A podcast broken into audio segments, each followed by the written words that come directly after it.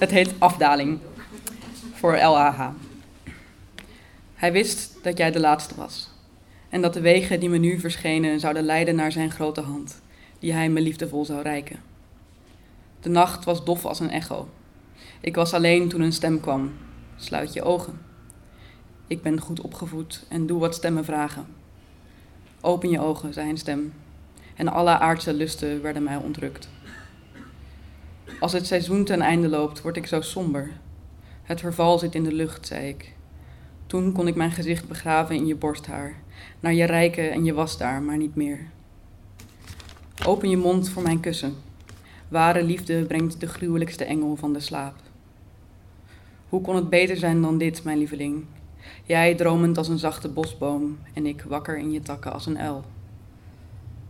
De dichter feliciteert zichzelf en vindt dat ze er ondanks alles nog onsterfelijk goed uitziet.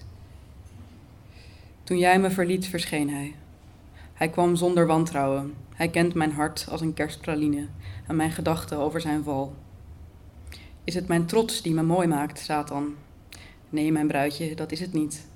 Zijn het mijn giftige ogen? Is het mijn zwakke gestel? Nee, mijn vogeltje, mijn vosje. Het is de chaos in je gebaren, de bleke grachten van je onbegrip, de kille overtuiging van je liefde.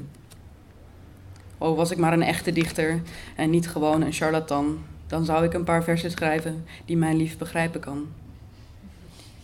Jij bent de vrouw van mijn leven. Sorry. Jij bent, jij bent mijn vrouw omdat je leven vol met graven staat. Maar de sleutels. maar de sleutels van mijn eigen kerker openen mijn tombe niet. Van binnen lach ik. Dit is een grap. Waarom ben je zo slecht, mijn engel? Voor jouw plezier, voor jouw genot. Waarom moet ik dan zo wenen, liefde? Vanwege de kleine en vriendelijke, de lichamen langs mijn wegen, schat, mijn wegen die geen mens begrijpt. Behalve ik, behalve jij. Dank jullie wel.